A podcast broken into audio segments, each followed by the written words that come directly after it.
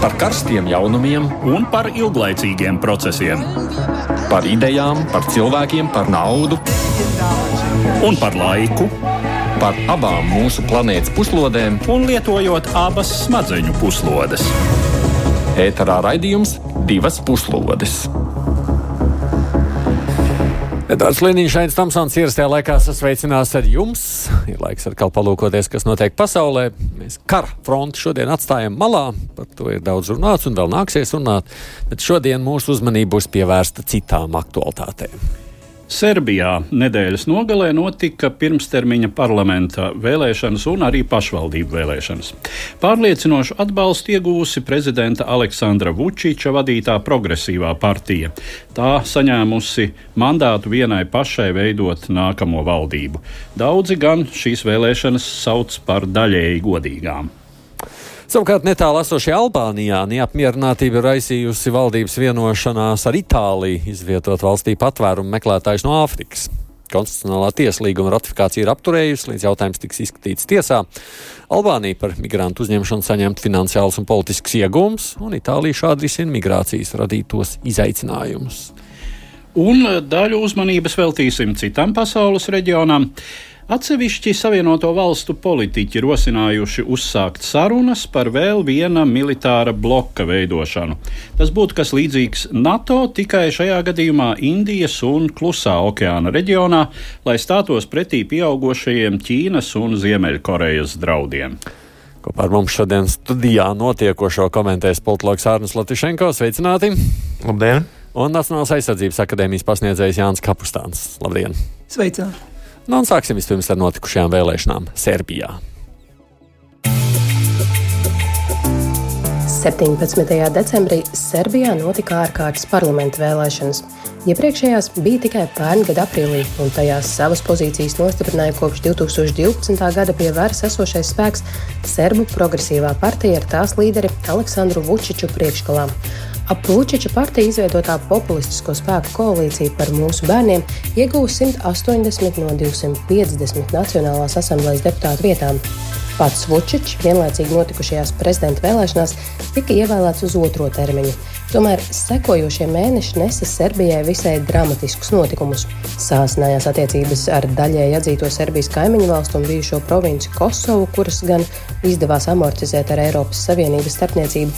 Tomēr sasniegtais kompromiss, kas šogad materializējās tā saucamajā Orhidas nolīgumā, raisīs polarizētus viedokļus serbu sabiedrībā.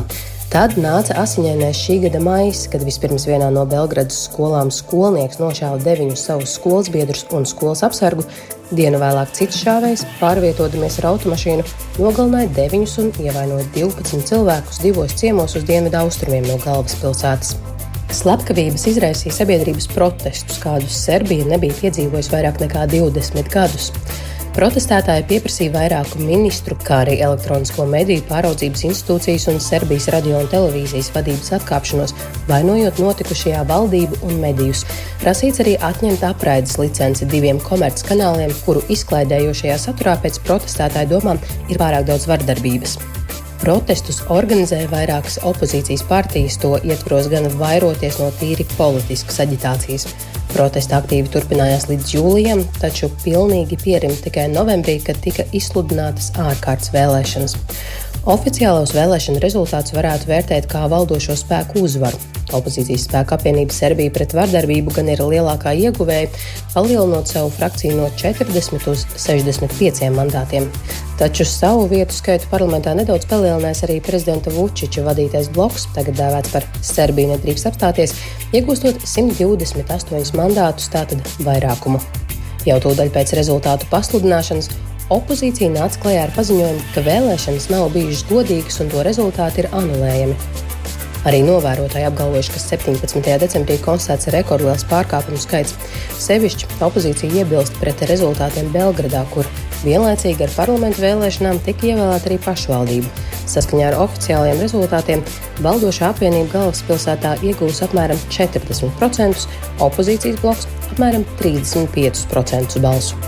Taču, kā norāda opozīcija, Belgradā tikuši nogādāti apmēram 40 tūkstoši cilvēku, kuri nav pilsētas pastāvīgi iedzīvotāji, tā nozīmīgi mainot balsotāju proporciju par labu valdošajiem. Pēc vēlēšanām Belgradas ielās atkal izgāja tūkstoši protestētāji, un arvien biežāk izskan prasība pēc prezidenta Aleksandra Vučiča atkāpšanās. Bija viņa vērts rīkot tās vēlēšanas ārkārtas. Nu, acīm redzot, eh, no Aleksandra Vučiča viedokļa, pēc viss spriežot, bija. Eh, viņam jau um, tikai jāsaka mm, stāvokļa nostiprināšanās, vēlreiz apliecinājis, ka viņas, viņa partija ir gana stingri pie varas, lai gan nu, mēs nevaram zināt, kas turpināsies. Taisnība sakot, uh, rakstot šo tekstu mūsu mājaslapā, es lieku arī nosaukumus. Tad, tad pirmais nosaukums, ko es uh, izdomāju, bija, vai Serbijā būs savs Maidans. Bet, nu, Pēc tam man šķiet, ka tas būs pārāk Pār, pārspīlēts. būs tur kaut kāda protesta? Nu. Nezinu. Jā. Jā.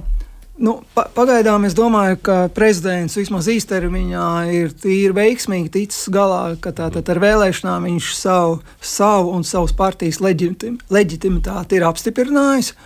Nu, protams, ilgtermiņā tad ir jāskatās, un te jau arī jautājums ir, kur, kādu kursu Serbijai tālāk īstenot un ņemt. Par kursu vēl parunāsim, bet es mēģināju saprast, tur tajā ierakstā skanēja tātad 128, viņam tātad ir jā, mandāti no 250, tas jā. ir tātad vairāk. Uzciņi pāri pusē. Bet tur pagājušajā reizē, cik tā viņam bija, es sapratu, tajā 180 bija kā kopējais visi koalīcijas partneriem. Šoreiz viņam tāda nav vajadzīga. Nu, nē, nu tā joprojām ir koalīcija. Ir joprojām. bet, bet, protams, šī Serbijas progresīvā partija ir tas mugurkauls un tie pārējie spēki ir salīdzinoši mazāki. Un, Un droši, nu, cik es zinu to situāciju, tad neviens no tiem nav neaizstājams. Mm -hmm. nu, Protams, tā ja nu, lai gan, lai gan nu, teiksim, ja runa par, ja ir runa par 128 no 250 vietām, nu, tad tur var iztikt īstenībā, ja grib arī bez, vai ne? Nu, jautājums ir, ja, kāds, ja kāda daļa no tās koalīcijas atšķiras, tad var būt visādi. Bet nu, pagaidām it kā nekas par to neliecina. Ir ieguvējis Vučičs? Es domāju, ka viennozīmīgi ir ieguvējis. Citādāk viņš neplānotu tādu pasākumu. Nu, nekad jau nevar zināt, kā tas sanāk. ir. Un, un viņi tāpat ir uzvarējuši. Manuprāt, tas ir tas vienkārši varas pārapstiprināšana, leģitimitātes, kā jau minēja kolēģis, pārapstiprināšana, ņemot vērā visus tos uh, protestus, kas ir bijuši. Ekonomiskā situācija ir, nav laba, bet Serbija nav izņēmums. Uh, Un arī tas, ka bija mazs slaktiņš, bija problēmas ar, ar, ar Kosovu šogad. Un līdz ar to atkārtot pārapstiprina, ka viņam ir šis sabiedrības mandāts un viņš var rīkot, nu, rīkoties tālāk. Kāpēc viņš ir tik populārs? Es gribētu teikt, ka prezidents Aleksandrs Vučičs ir kā tāds uh, hameleons, kā tāds nemirstīgais kašķis. Viņš ļoti veikli no dažādām situācijām tiek cauri ārā, varētu teikt, ar veselu ādu. Jo, ja mēs paskatāmies uz viņa sākotnējo karjeru, tad viņš iesāka bēdīgi slavenā Slobodāna Miloševiča valdībā kā informācijas ministrs. Pēc tam viņš uh, iestājās ļoti radikālā partijā?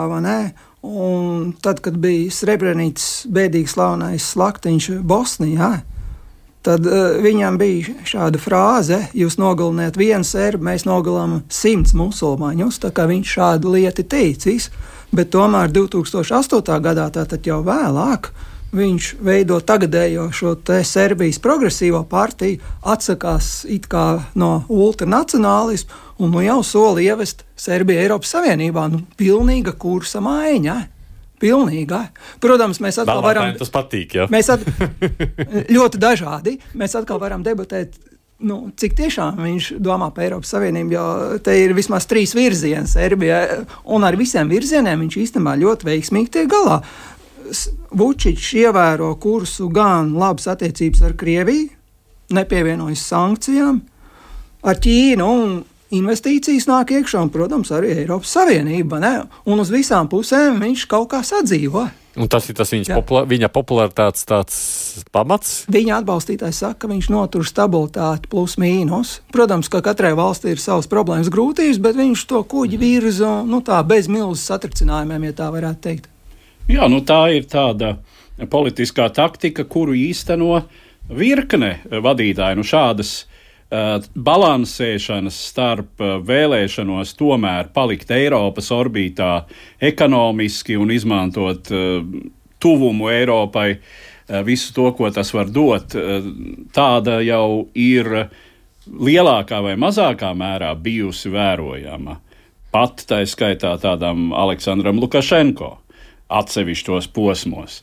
Atcerēsimies uh, Ukrainas, uh, Ukrainas līderi Janukoviču, kurš arī mēģināja šo izbalansēt tikai nu, uh, Krievijas tuvums un Krievijas pārlieku lielās ambīcijas Ukrainā, un arī droši vien viņa paša uh, nu, neprasme, arī teiksim, tīri personiska tāda iedzīvošanās kāre un tā milzu korupcija. Eh, kas, kas sabrieda viņa laikā, nu, tas viss bija pārāk apgrūtinoši, un mēs zinām rezultātu. Ja? Mm -hmm. kritiskā brīdī tā sacīt nenoturējās virāžā, un, un notika viss, kas notika. Bet nu, Vučičam pagaidām izdodas to izbalansēt, jo Serbija ir. Es, es pieļauju, jā, te ir arī, arī tīri ģeopolitiskās ģeopolitisko orbītu jautājums, eh, jo tā ir no vienas puses pārāk tālu no Krievijas, lai Krievija šeit īstenotu kaut kādu tik tiešu, mm, nu, nerunājot par invāziju, bet arī tādu ļoti tiešu ķepas uzlikšanu.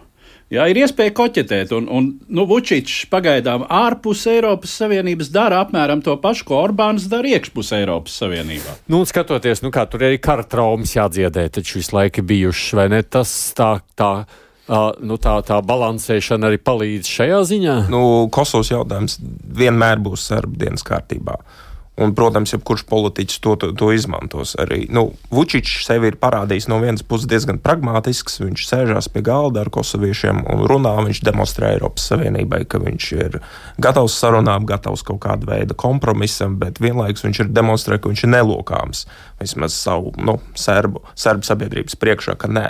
Bet tur ir vienkārši bezmazliet neatrisināma pretruna, jo serbi negrib Kosovas neatkarību to, kā viņš spēja izlocīties, jā, tas ir patiešām pārsteidzoši. Bet vienlaikus es, es uzskatu, ka tomēr kopumā tā, tā ir tā, šī viņu, viņu partijas uzvara tomēr negatīva parādība. Jo, jo arī, protams, ir aizdoms par falsifikācijām Belgradā. E, viņa partija ir ārkārtīgi kontrola par masu medijiem, e, arī par valsts aparātu. Tā ir savā veidā, tā ir sava veida demokrātijas, e, tiksim, negraušana, bet degradācija. Serbija jau šobrīd tiek Freedom House reitingā uzskatīta par tā saucamo flawed democracy, kas nozīmē demokrātija ar problēmām. Es domāju, problēmas tikai pieaugs, un tā, tā ir negatīva parādība. Un mums Eiropas Savienībā nevajadzētu uzņemt tādas valstis, kurā, kurās ir problēmas ar demokrātiju. Par to Eiropu es gribēju jautāt, jā, tur vispār ir nu, tā, ne, Eiropa kā tāds burkāns, kas tur tā kā parādās. Jā, tātad eh, Eiropas Savienība Serbijai, protams, ir kā burkāns, jo pat pat Vučičs ir deklarējis, ka tomēr viņš grib ievest uh, Eiropas Savienībā. Un kāpēc? Tāpēc, ka Serbijā vairāk kā pusi tirzniecība ir saistīta ar Eiropas Savienību, un, protams, viņš jau redz, kur ir bagātākais klubiņš pasaulē, ja tā varētu teikt, īpaši Eiropā. Un problēma, protams, ir jau iepriekš minētā Kosova, ko kolēģis uh, pieminēja. Nu, tā, Kosovā dzīvo apmēram 95,000 serbi, un tagad iedomāsimies sev serbādā, vai viņiem jau to būtībā noņēma provincija, NATO misija. Un, nu, jebkurš politiķis, kurš uzreiz pateiks, ka tagad mēs atsakāmies no tiesībām, nu, viņa izpratnē no tiesībām uz Kosovas, Viss tas politiķis tūlīt pazaudēs savus vēlētājus, un Eiropas Savienībā tā ir uzreiz liela problēma. Es nevaru iedomāties, kā arī nākotnē varētu uzņemt valsti, kurai tomēr ir robežas pretenzijas, robežas strīds ar de facto neatkarīgu kaimiņu valsti, šajā gadījumā Kosovo. Jo Eiropas Savienībā nu, nevar uzņemt, ja tev ir problēmas ar citiem teritoriālajiem strīdiem. Jūs domājat, kas nu, nespīd Serbijai Eiropu tuvākajā laikā? Jā? Tuvākajā laikā nē. Bet tomēr šeit ir tāda gudra manevrēšanas politika, arī Eiropas Savienība arī mēģina tādā tuvā distancē tomēr Serbiju pieturēt ar domu, lai pārāk daudz ķīniešu, jo īstenībā sajūta tāda, ka Ķīnas ietekme jau sen ir pāraugusi Krievijas ietekmi. Atcerēsimies, Pašās- vēsturiski pašā Serbijā, jā. 19. gadsimts taču bija simtprocentīgi no Krievijas ietekmes, vai ne? Tagad eh, Ķīnas ietekme ir spēcīgi pieaugusi, un tā kā Eiropas Savienība ir ieinteresēta tomēr savu ietekmi saglabāt. Nu, tā kā, jā, Tad spēle tajā ir, visā. ir milzīga spēle, un tieši ģeopolitiska. Bet tādā ziņā Serbija uzplaukst ekonomiski, es saprotu, jā, ja te piemin Vučičs pie panākums. Es arī gribētu nepiekrist, ka teritoriālais strīds būtu galvenā problēma, jo ir Ķipras gadījums. Un Ķipra ir Eiropas- Ķipras, jā, Ķipra ir Eiropas Savienībā, bet problēma ir manā, manā skatījumā tieši tā demokrātijas degradācija. Eh, Bet es teiktu, arī no ārpuses, arī patiesībā Vučičs varētu daļai arī tā no reāla politikas skatu punkta apmierināt visas puses. Jā, it kā vi- viņš manevrē, viņš nesliecas pārāk daudz uz, uz, uz Krievijas pusi. Kremli viņš arī apmierina, jo viņš neuzliek sankcijas. Nu, teiksim, viņš nepriecē, bet viņš ir apmierinošs. Un arī, bet viņš arī nesliecās pārāk uz Krievijas pusi. Protams, notiek arī sadarbība ar NATO, notiek kopīgas, kopīgas mācības, notiek ilgstošās mm. entos gadus sarunas par, e, par potenciālu iestāšanos Eiropas Savienībā, par potenciālu izlīgumu ar, ar, ar Albāņiem Kosovā. Mhm. Ja drīkst, es vēl uh, polemikā kolēģiem par robežu strīdiem, tad uh, Kipras gadījumā Eiropas Savienība tātad uh, vienu Kipras daļu atļāva uzņemt, jo tā nebija viņu vaina. Tas bija turku spiediens. Tad, tas, ja viņi ignorētu, tad jau iznāk, ka turki var uzturēt stingru kārti. Bet šajā gadījumā problēma nāk no Serbijas, un Eiropas Savienībā ir šis spiediens atrisināt domstarpības, ne tikai Eiropas Savienībā, bet arī NATO, atrisināt domstarpības ar Kosovu. Un, ja viņi to nu, neskatītos uz šīm teritoriālām pretenzijām, viņi zaudē spēcīgi trumpi. Tā kā šeit viņiem ir baigais spiediena iespējas. Abas puses vajag uzņemt. Jā. Kosovu arī vajag uzņemt Eiropas Savienībā. Tad Kosovo jautājums, ļoti vēlās, Tad, jā. tad jautājums atrisināt. Jā, un, uh, un ievērosim, ka Kosova uh, ir vispār tāds interesants veidojums, ja mēs runājam par mm, nu, kaut ko, kas ir uh, šīs domājumās valsts nācija. Jā, jo nu, tie ir etniski albāņi, līdzās ir Albānija. Uh, un ir jautājums, nu, faktiski mēs runājam par to, ka nu, tur Rietumu Balkānos ir divas ar pusi albāņu valstis. Jā, man liekas, ka mm. um, Kapustāna kungs arī to savulaik tieši tā definēja. Bet tā arī iznāk. nu, jā, jo, jo ir tā tad Albānija, kas ir Albāņu valsts jau apmēram uh, simts gadus vairāk, ir Kosova. Uh, kas arī pamatā ir Albāņu apdzīvota, bet kādreizējā Serbijas daļa, un trešā ir Ziemeļmaķedonija, kur liels Albāņu, uh, Albāņu īpatsvars. Turpinot šo te, ir, es esmu dzirdējis tādu joku, ka Eiropā ir četras Albānijas futbola izlases. Vēl ir Šveice, kur ir daudz albāņu. Labi. Jā, un, un Albāņi, metot jau tiltiņu uz mūsu nākamo tematu, ir uh, Albāņu teritorijas un primāri Kosova ir uh, vienīgā Eiropas nācija, kur joprojām, nu, izņemot Ukraiņus pēdējā gada laikā, uh, kura veido nozīmīgu migrācijas plūsmu. Nu, labi, es uzmetu tiltiņu, tāpēc par to arī runājam, jo mēs par Albāniju šodien arī runāsim tieši imigrantu kontekstā. Saskaņā ar Vācijas statistikas aģentūras statista datiem 2022. gadā Eiropas Savienības ārējās robežas nelegālas šķērsošanas gadījumu skaits, salīdzinot ar 2021. gadu, pieaudzis par vairāk nekā 130 tūkstošiem vai nepilniem 66% un bijis lielākais pēdējo sešu gadu laikā. Savukārt Eiropas Savienības robežas un krasta apsardzes aģentūras dati liecina, ka tradicionāli aktīvākais šai kustībai ir tā saucamais centrālās vidusjūras maršruts no Lībijas piekrastes dažādos peldlīdzekļos uz Itālijai piedarošo Lempedūzu salu vai Maltu, tālāk pamatā uz Itāliju. Šogad pa šo ceļu Apenīnu puselā ieradušies jau vairāk nekā 150 tūkstoši Gvinējas, Tunisijas, Bangladešas un citu valstu pilsoņu. Kā zināms, šī migrantu plūsma rada nopietnus iebildumus Itālijas sabiedrībā, un tēma ir pastāvīgi aktuāla šīs valsts politikā.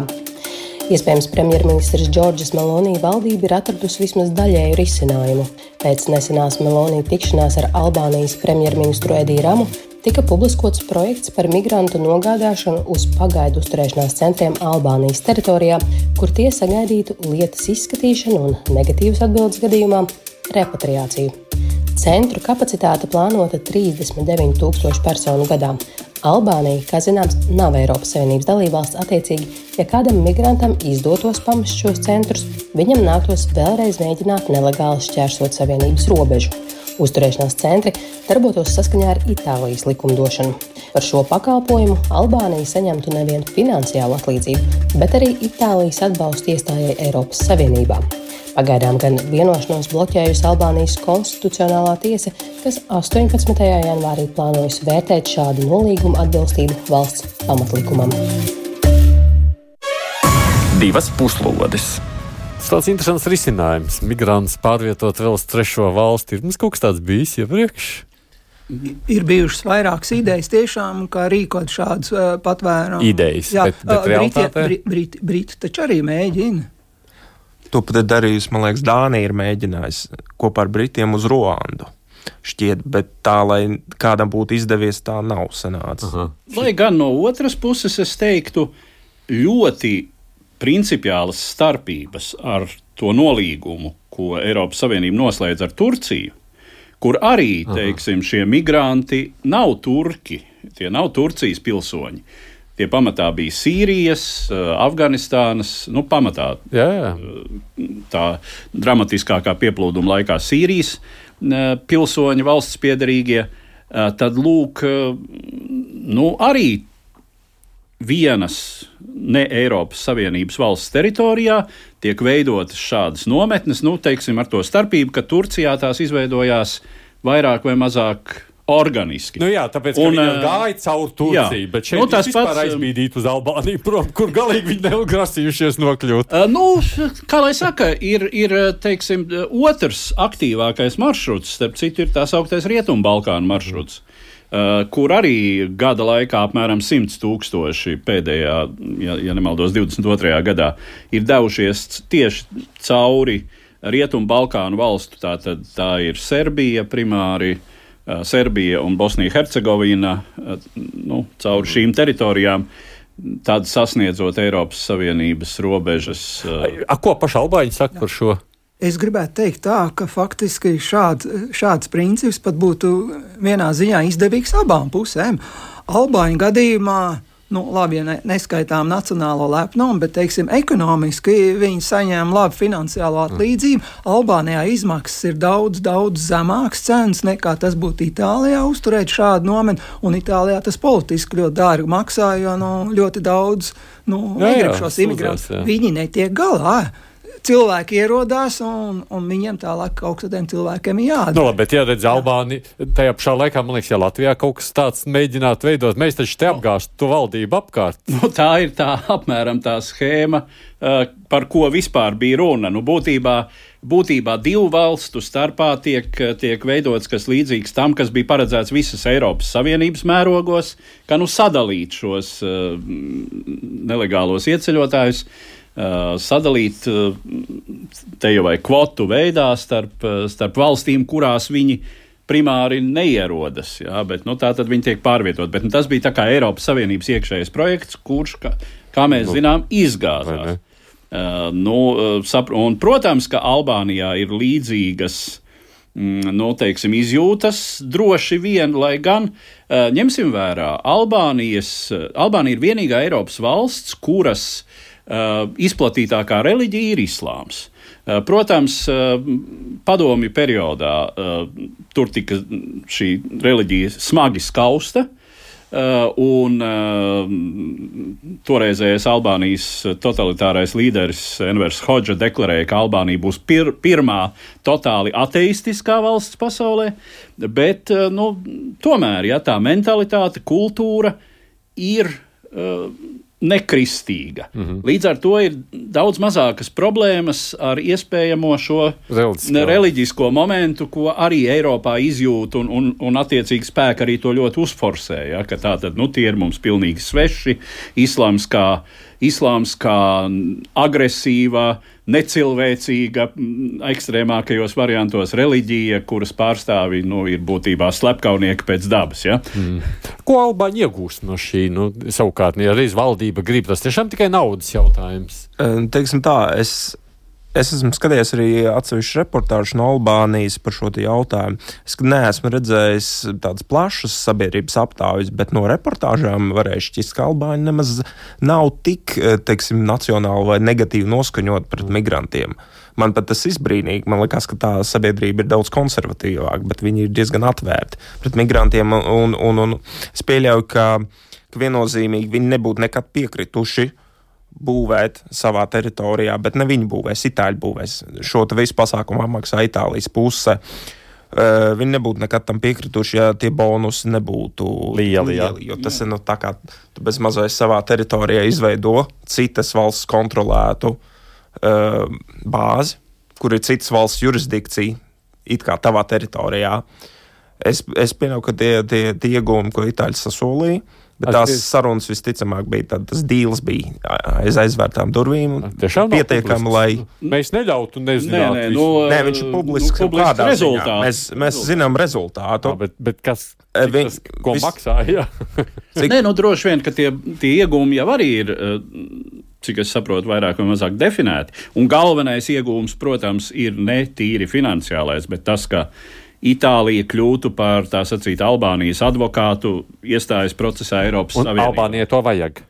Protams. Protams. Jā. Albānija ļoti grib jā, uz Eiropas Savienību. Jā. Un, nu, tas, kāpēc varbūt ir šī mm, aizķeršanās, iespējams, nobloķēšana no Albānijas konstitucionālās tiesas puses, te gan ir, ka suverenitātes jautājumā Albānijas izjūta visdrīzāk ir sāsināta, jo atceroties vēsturi, Eh, savulaik, vēl pagājušā gadsimta 30. gados, Itālijas fašistiskais režīms okupēja Albāniju eh, vairākus gadus pirms mm. Eh, otrā pasaules kara.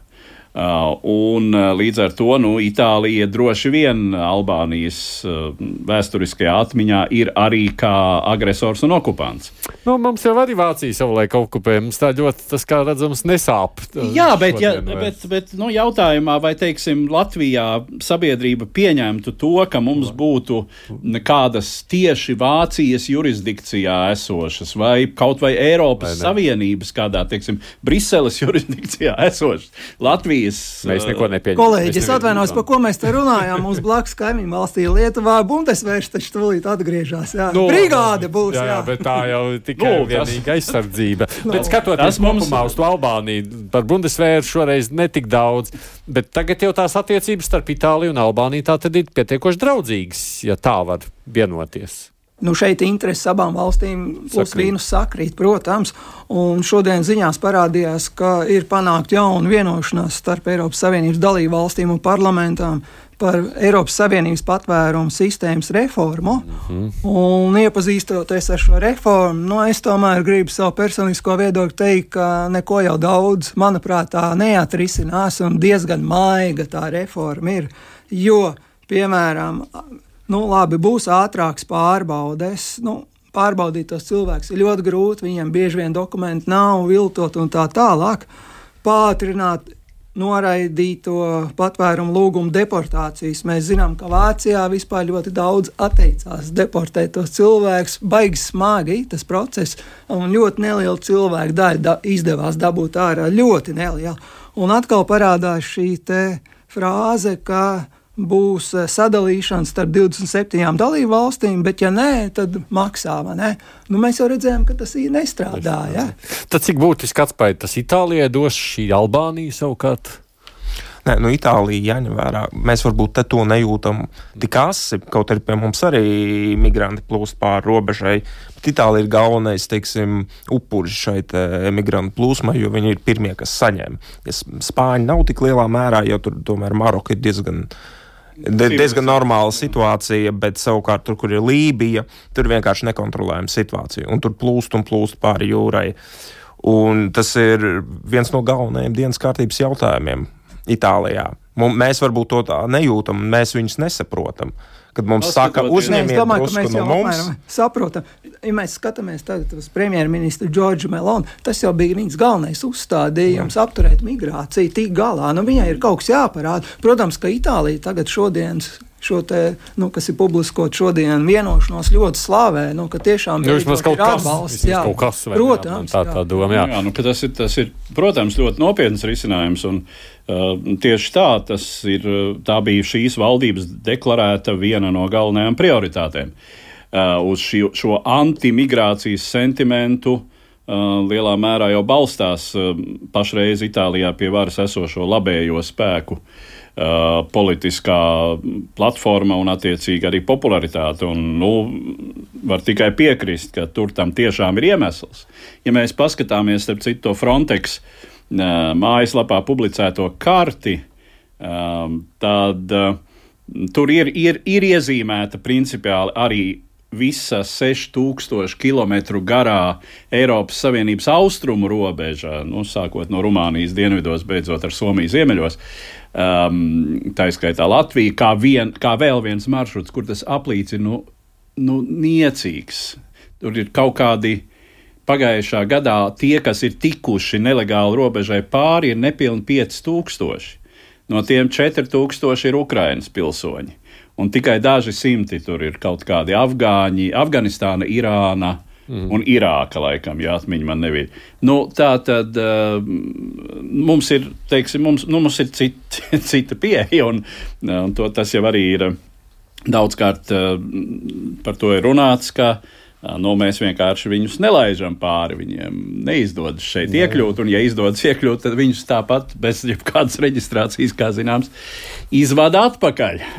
nu, kas ir politiski problemātiski Latvijai, bet acīm redzot, no Bet Itāļi tā redz nevar ielikt viņus laivā. Itāli, nu, tur ir Bet Grieķi pēdējos gados arī šādi mēģināja. Jā. Līdzīgi, jā, jā, jā. Bet nu, viena lieta ir, tur ir, pusi, nu, tur ir samazinājies tas. Bet beig beigās, un ja Itālijai, ja Albānijas augstākā tiesa, nu, nu, konstitucionālā tiesa apturēs, ja neļaus šo līgumu slēgt, nesabojāsies attiecības ar Itāliju atkal? Nu, ko nozīmē sabojās? Nu, nu, žēl, jā, nu, Albānija būs, teiksim, no Itālijas viedokļa palaidusi garām labu iespēju. Ļoti nu, izdarīt šādu ļoti nopietnu pakalpojumu Itālijai, nu, un tādu pakalpojumu starptautiskajā starptautiskās attiecībās netiek aizmirsti. Pilnīgi noteikti tas ir. Albānijai tie plusi, ja viņai tiešām būtu izdevīgāk nosacījumi ceļā uz Eiropas Savienību, tad tie plusi ir daudz, daudz vairāk nekā par šiem. Ie, ievērojot, cik, ievērojot, cik Itālija tomēr ir ietekmīga Eiropas Savienības valsts šobrīd tā ir. Pēc ekonomiskās kapacitātes numur 3 Eiropas Savienībā un attiecīgi pat ņemot vērā visas ekonomiskās problēmas, kas tā ir, nu, tā, tā ir Eiropas šobrīd, kopš Lielbritānija projām lielā trīnieka, mm. viens no elementiem. Nu, labi, lai viņiem izdodas, kā saka, iz, atrisināt šo. Ir vēl kāds temats, par ko mēs šodien gribam runāt, tikai nu, te būs uzmanība pievērsta citām pasaules reģionam. Mēs tagad laukosimies austrumu, dienvidu austrumu, nezinu, kā lai pareizāk saka, virzienā, bet ne tikai. Šonadēļ grupa konservatīvas ievirzes Savienoto Valstu politiķu ierosināja kongresa lēmumu par izpētes komisijas veidošanu jautājumā par NATO līdzvērtīgas militāras alianses radīšanas iespējām Indijas un Klusā okeāna reģionā, lai tā predarbotos drošības apdraudējumiem, kādus rada Ķīnas un Ziemeļkorejas, arī Krievijas un Irānas militārās aktivitātes un ekspansionisma tendences. Konkrētie motīvi te ir gan Ķīnas pastāvīga agresīvā retorika Taivānas sakarā, gan Ziemeļkorejas balistisko raķešu izmēģinājumi, tāpat Ķīnas pretenzijas uz vairākiem simtiem Dienvidķīnas jūrā esošo saliņu, kas izplast šīs valsts teritoriālos ūdeņus gandrīz vēl līdz ekvatoram. Šīs niecīgās cietzemes teritorijas, korāļu rifi un atoli bez pastāvīgiem iedzīvotājiem ir ar joprojām nenoregulētu starptautisku statusu. Pretenzijas uz lielāku vai mazāku šo arhipelāgu daļu izvirza Ķīna, Vietnama, Malaizija, Filipīnas, Taivāna un Bruneja. Visasākā pēdējā laikā ir konfrontācija starp Ķīnu un Filipīnām, kur abu valstu krasta apsardzes spēku starpā notiek pat fiziska konfrontācija. Līdz šim gan izmantoja tikai kuģu manevrus un ūdens lielgabalus. Filipīnas ir sens un cieši savienoto valstu militārais sabiedrotais, tāpat līdzīgas ciešas saites Vašingtonu saist ar tādām Ķīnas kaimiņu valstīm kā Japāna, Dienvidkoreja un Taivāna. Var atgādināt, ka zināms NATO analogs šeit pastāvēja laikā no 1954. līdz 1977. gadam. Tā bija Dienvidu Austrumāzijas līguma organizācija, kurā ietilpa ASV, Austrālija, Jaunzēlanda, Pakistāna, Filipīnas, Taizeme, kā arī Lielbritānija un Francija, kurām Organizācijas radīšanas laikā reģionā vēl bijuši plaši koloniālie valdījumi. Mainoties vairāku bloku dalībvalstu ģeopolitiskajai orientācijai, tā izrādījās nefunkcionāla un tika likvidēta augstā kara atslābuma periodā. Šobrīd, kā iespējamu Dienvidu-Austrumāzijas NATO aizmetni, varētu uzlūkot tā saucamo AUKUS - Savienoto Valstu, Lielbritānijas, Austrālijas alianses sadarbībai drošības jautājumos. Līdzīgs formāts ir arī kvadrilaterālajam drošības dialogam, jeb Quad, kurā sadarbojas ASV, Austrālija, Indija un Japāna. Vēl viena reģionālā organizācija, kuras darbības sfērā ietilpst arī kolektīvās drošības jautājumi, ir Dienvidu Austrumāzijas valstu asociācija. Tajā ietilpst Bruneja, Filipīnas, Indonēzija, Kambodža, Laosa, Malaizija, Mjanma, Singapūra, Taizem un Vietnama. Eksperti gan ir diezgan skeptiski par iespēju šobrīd izveidot reģionālu ko līdzīgu NATO, jo pārāk lielas ir atšķirības potenciālo dalībnieku ārpolitiskajās prioritātēs un tradīcijās, politiskajā sistēmā un kultūrā. Tiesa, kā atzīmē daži, tālāks totalitāro valstu, pirmkārt jau Ķīnas spiediena pieaugums, varētu veicināt konsolidāciju. Atgādījums studijā kā par mums notikums komentēja Jānis Kapstāns no Nacionālās aizsardzības akadēmijas un politologs Arnis Latišenko. Nu, ko sakāt par to iniciatīvu? Ir mums perspektīva ārnikļot vēl vienam NATO? Es, es pievienošos tiem ekspertiem nenosauktajiem, un es arī esmu skeptisks šajā brīdī. Bet nekad nesaka nekad. Bet, bet kāpēc? Vismaz tuvāk, bet kāpēc? Nu, tad varētu būt vismaz kaut kādi septiņi argumenti, kāpēc. E, ir pirmkārt pretruns šo valstu savstarpējas pretrunas, nu, skatoties par kurām valstīm mēs runājam. Mēs runājam noteikti par Japānu, Koreju, eh, Taivānu, Filipīnām, Indiju, eh, Indiju Taizemi. Nu, par Taivānu tur, starp citu, varētu būt jautājums, jo uzņemt, uzņemt to blokā tas būtu ļoti tieši izaicinājums. Ķīnai. Tieši tā, tas, tas ir cits arguments, bet viņus, pirmkārt, viņu starpā ir pretruns, tostarp arī teritoriāls un vēsturisks. Tas viens. Otrkārt, arī viņu, viņu attiecības ar Ķīnu nav tā, ka viņas ir pilnībā konfrontālas visām valstīm. Viņas ir diezgan tādas neviennozīmīgas, jo mēdz būt arī neliela kara darbības starp Indiju un Ķīnu ik pa laikam. Japāna ir strīdi ar, ar, ar Ķīnu par Senkaku salām un tam līdzīgi, bet vienlaikus ir arī ārkārtīgi cieša ekonomiskā sadarbība starp Ķīnu un, un Japānu, starp Ķīnu un Koreju, arī to starp, starp Ķīnu un tai, ta, Taivānu. Un, jo mūsdienu pasaule ir daudz kompleksāka, un es teiktu, ka NATO tas ir tomēr tāds e, unikāls veidojums, līdzīgi kā Eiropas Savienība, un tu, tur ir bijuši citi e, vēsturiski, arī es teikšu, arī militāri un, un geogrāfiski apsvērumi, kāpēc NATO izveidojās. Mm. Un kāpēc neizveidojās kaut kas tam līdzīgs vēsturiski Āzijā. Bet pats par sevi tā doma, kaut ko tajā virzienā domāt, ir saprātīga. Ja kolēģiem varbūt izteikties. Um, e, pēc manām domām, Labi, mēs varam piekrist, ka teiksim, nu, tāda tipa organizācija, kā ir izveidojusies NATO, tad tajā reģionā neizveidosies.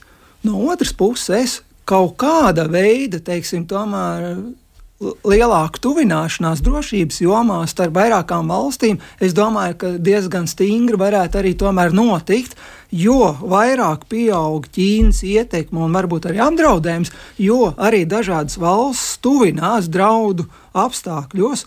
Un, ja mēs paskatāmies, piemēram, Japānu, Dienvidkoreju, tad savā starpā viņām attiecības ir ļoti sliktas, daļa vēstures, daļa otrā pasaules karā, bet eh, Ziemeļkorejas kodola draudiem faktiski viņas diezgan vienā tā blokā ar ASV iet kopā. Un tā tad draudu elements valstis tuvina, paskatāmies, interesanti Vietnam. Bija gan ASV prezidents, gan Ķīnas galvenais vadītājs, vai ne? Lai gan it kā nevarētu iedomāties, ka Vietnam, kas karoja pret ASV, jā, nu, bet, protams, apgrūtina kolēģis arī teica, ka nu, pārāk atšķirīgas valstis un tiešām dažādas vērtības un citas lietas atkal, nu, kaut kur traucē, kavē. Un savienotās jā, valstis jā, kā tāds. Jā. Vienojošais varētu būt, vai drīzāk šķeļošais? Kā kurai valstī? Protams, ka vairākās valstīs ir diezgan liela nepatīka pret Ameriku, bet tomēr tāpat laikā kaut kādas drošības garantijas gan viņi gribētu no Amerikas. Es domāju, ka. Pagaid, pēc tam. Nē, ASV citādāk ir būvējis to drošības arhitektūru Āzijā. Tur viss balstās pamatā uz divpusējiem līgumiem ar katru no šīm valstīm. Savukārt um, Eiropas, Eiropā tas ir bloks tas ir bloks, bet tur ir, tur ir dažādi skaidrojumi. Viens, kā jau minēts, ir tradīcijas, nav šīs blok, bloku tradīcijas, kā ir bijis vēsturiski Eiropā, kad visu laiku veidojas alianses un viņas savstarpēji karo un karo. Tāda ir bijusi visa vē, Eiropas vēsture bez mazvai. E, bet arī, piemēram, vēl viens arguments ir geogrāfiskais tālums. Attālums Āzijā. Viņas visas ir izsvaidītas, un viņas visas šķir jūra un tūkstošiem kilometru. Eiropā tomēr visi ir Daudz maz Eiropa ir salīdzinoši maza pasaules daļa, un te ir visas valsts vienopus. Līdz ar to, ja, piemēram, krīt viena valsts, tad nākamā ir nekavējoties apdraudēta. Krīt Baltijas valsts, tad, piemēram, Krievijas armija jau ir pie Polijas robežas. Krīt Polija, Krievijas armija ir pie Vācijas robežas. Tomēr, ja, piemēram, Ķīna iebruktu um, Taivānā, jā, viennozīmīgi draudu līmenis pieaugt visiem, gan Austrālijai, gan Indijai, bet ne tik sāsināti kā kā, kā Eiropā tas notiktu. Un, un tāds militārais arguments, pieļauju, jūs man arī papildināsiet, bet um, tomēr, ņemot, ja paskatās uz to geogrāfiju, tad līdzīgi kā otrā pasaules karā, izšķirošs tomēr būs jūras karš Āzijā starp Ķīnu un ASV pamatā. Nevis Filipīnu flote brauks glābt Taivānu, bet tā būs ASV flote savukārt. Nu, labākajā gadījumā katra no šīm valstīm um, centīsies aizstāvēt sevi.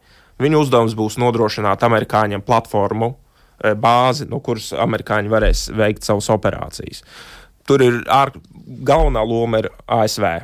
Mm. Un viņu skatījumā esošā drošības arhitektūra, acīm redzot, ir bijusi pietiekama. Vai, vai viņi mainīs šo viedokli? Nu, to vērosim. Mm. Jā, es domāju, ka šeit visdrīzāk tas, kas varētu notikt, ir šī augus bloka paplašināšanās, tam piesaistot arī dzēnu Japānu un Dienvidu Koreju, kas ir vēl divas valstis, nu, iespējams, varbūt vēl kāda Singapūra, Malaizija. Eh, respektīvi, tās ir valstis, kuras ir, eh, kurām ir visciešākie sakari ar Savienotajām valstīm, kur Savienotās valstis, kā jau minēja kolēģi, ir eh, arī līdz šim divpusēji devušas vai nu garantijas, vai, ir, vai tā ir bijusi uh, ilgstoša sadarbība. Jā, vēl Filipīnas te varētu arī.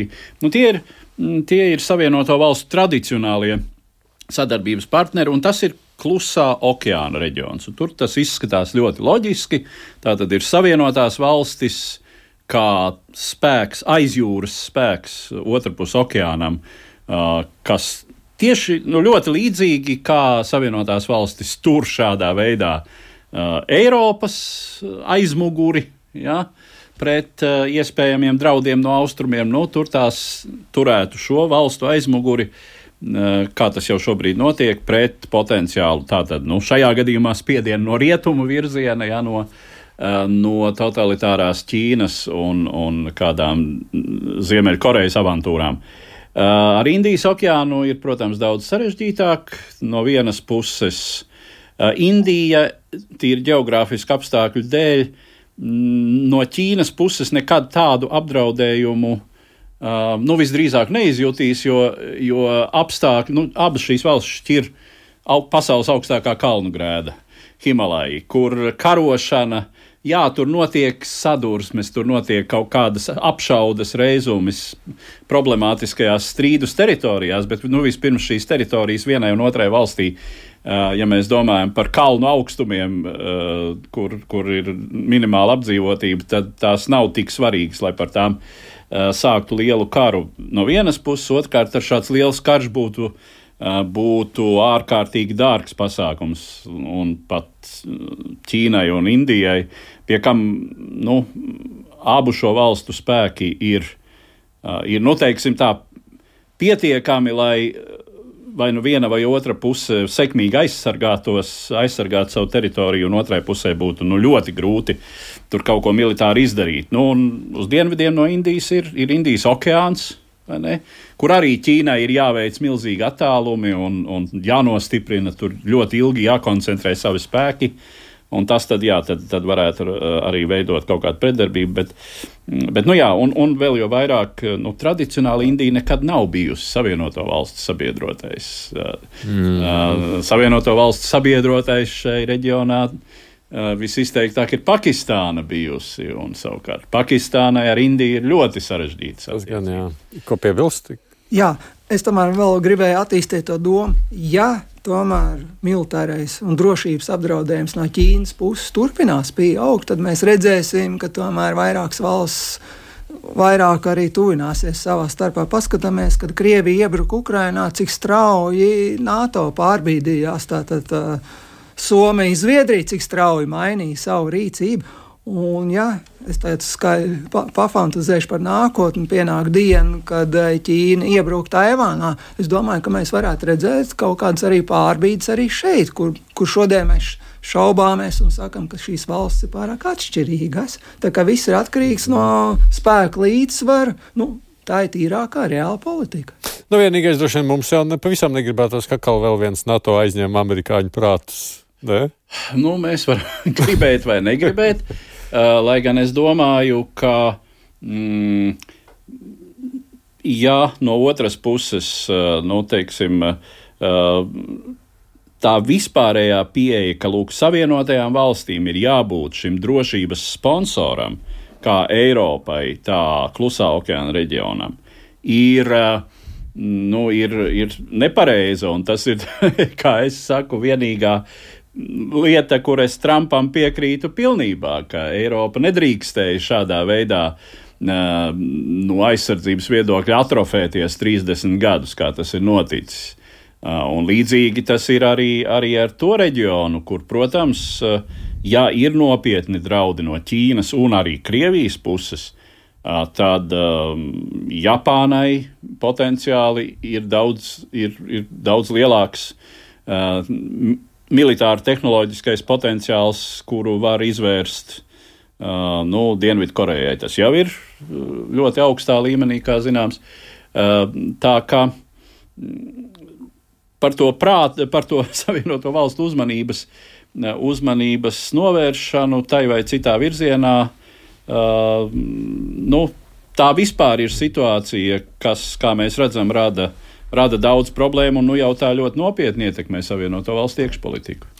Nu, labi, reiz mums ir dažas minūtes palikušas beigās raidījuma laikā par iekšpolitiku savienotām valstīm. Mazliet ir vērts pieminēt tik daudz, ka šeit mēs tā ir jauna ziņa, un tāpēc mēs viņu neko īpaši pirms tam neesam apspēlējuši. Mm, es viņu arī tagad redzēju kādā brīdī, ja, ka parādījās, ka Kalifornijas, jā, tā bija Kalifornija. Kolorado. Kolorado, piedošana, jā. Kolorado tā, tad tiesa lēmus, ka Trumps nedrīkst piedalīties priekšvēlēšanās, kas nozīmē viņu izslēgt ārā no sacensības par prezidenta amatu kandidātu. No ziņa kā tā tāda pietiekoši interesanta. Cik tā varētu būt ar tālējošām sekām jūsuprāt?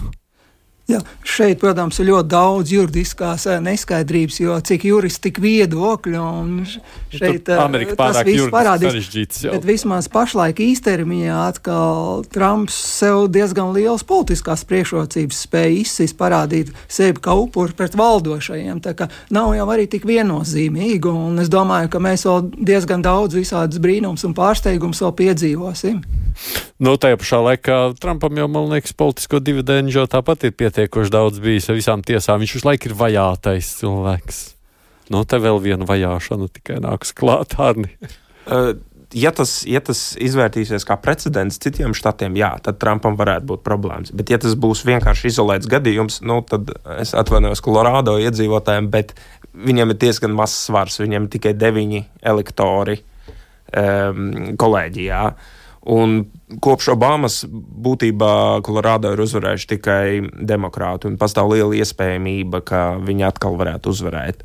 Tostarp divās vēlēšanās, kur Trumps piedalījās. Līdz ar to pazaudēt pašu Kolorādo nav tik traģiski. Nu, Galvenais ir, ja tas notika kaut kur Floridā vai, vai Teksas štatā, tad, tad būtu pavisam cits saruna. Tad droši vien varbūt tāda pavisam īsa skaidrojuma vai ko nozīmē netikt priekš vēlēšanu sacīkstē iekšā. Nu, tas nozīmē netikt republikāņu partijas ne, nekļūt par, nu, vispirms tātad nekļūt par vienu no republikāņu partijas kandidātiem šais priekšvēlēšana procesā, kur šais priekšvēlēšana sanāksmēs partijas vēlētāji nu, šai ļoti interesantajā taisnība sakot sistēmā izvēlas tātad kandidātu, kurš galu galā startēs finālā. Nu, attiecīgi, jā, nu, tad šai vienā štatā par Trumpu balsot nedrīkstētu, bet pārējos drīkstētu, ja nenotiek tālāks process. Nu, tas tālākais process nozīmē to, ka, ja gadījumā viss skatās, ka Kolorādo tas izdodas, tad varētu citi palūkoties. Nu, cik es sapratu no lasītā, bet tas būtu vēlreiz jāpārbauda, vai, vai tas tiešām tā juridiski ir, tad uh, otrās instances uh, lēmums, jā, Trumps tajā apstrīd šo Kolorādo tiesas lēmumu, un pēc visa, pēc, atkal pēc lasītā viņš to arī darīs. Tad, ja šis lēmums ir Trumpam nelabvēlīgs, tad, cik es saprotu, jebkura štata tiesa, kura pieņem līdzīgu lēmumu, tad jau pārsūdzība vairs nav iespējama. Jo viens šāds lēmums ir pieņemts. Jā, tātad, jebkurš cits štats, kurš tāpat lēmīja par sliktu Trumpam, arī tajā viņš izkrīt no priekšvēlēšana procesa.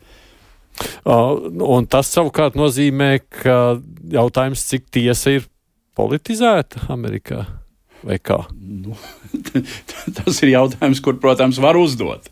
Teorētiski mēs zinām, cik stingra ir Amerikas tiesu sistēma.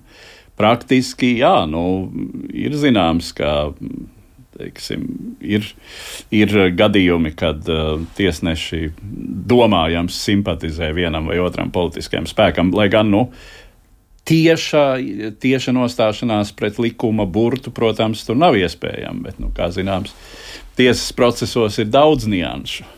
Tad beig beigās, kā izskatās, ir tas risks Trumpam nākotnē, kā jums pašiem šķiet? Es domāju, ka, protams, ka kaut kāds risks tas ir. Ne jau vēl tagad ir milzīga ažiotāža, un es teiktu, arī satraukums. Riski ir. Nu, bet uh, līdz šim Trumps tomēr ir veiksmīgi no visādām apsūdzībām, nebūšanām, tomēr izgājis ārā. Es domāju, ka risks pat ne tik daudz Trumpam, uh, cik Republikāņu partijai. Jo nu, kandidāts ar šādu reputāciju un šādu juridisko situāciju.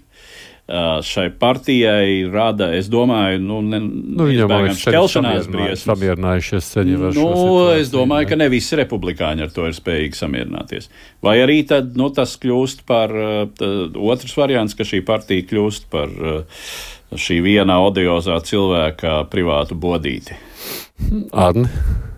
Es, es piekrītu jā, tam. E, es domāju, ka Trumpa reputācija neuztrauc tādus nukleārus Trumpa atbalstītājus, bet republikāņu partijā noteikti ne visiem viņš e, izraisa patīk, bet drīzāk izraisa riebumu.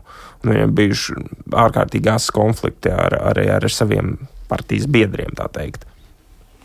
Un, e, tas, protams, ir tas ir ne, ļoti ārkārtīgi. Trumpa fenomens vispār ārkārtīgi negatīvs um, republikāņu partija pats par sevi bijis. Es domāju, tas tā noteikti vēsturiski.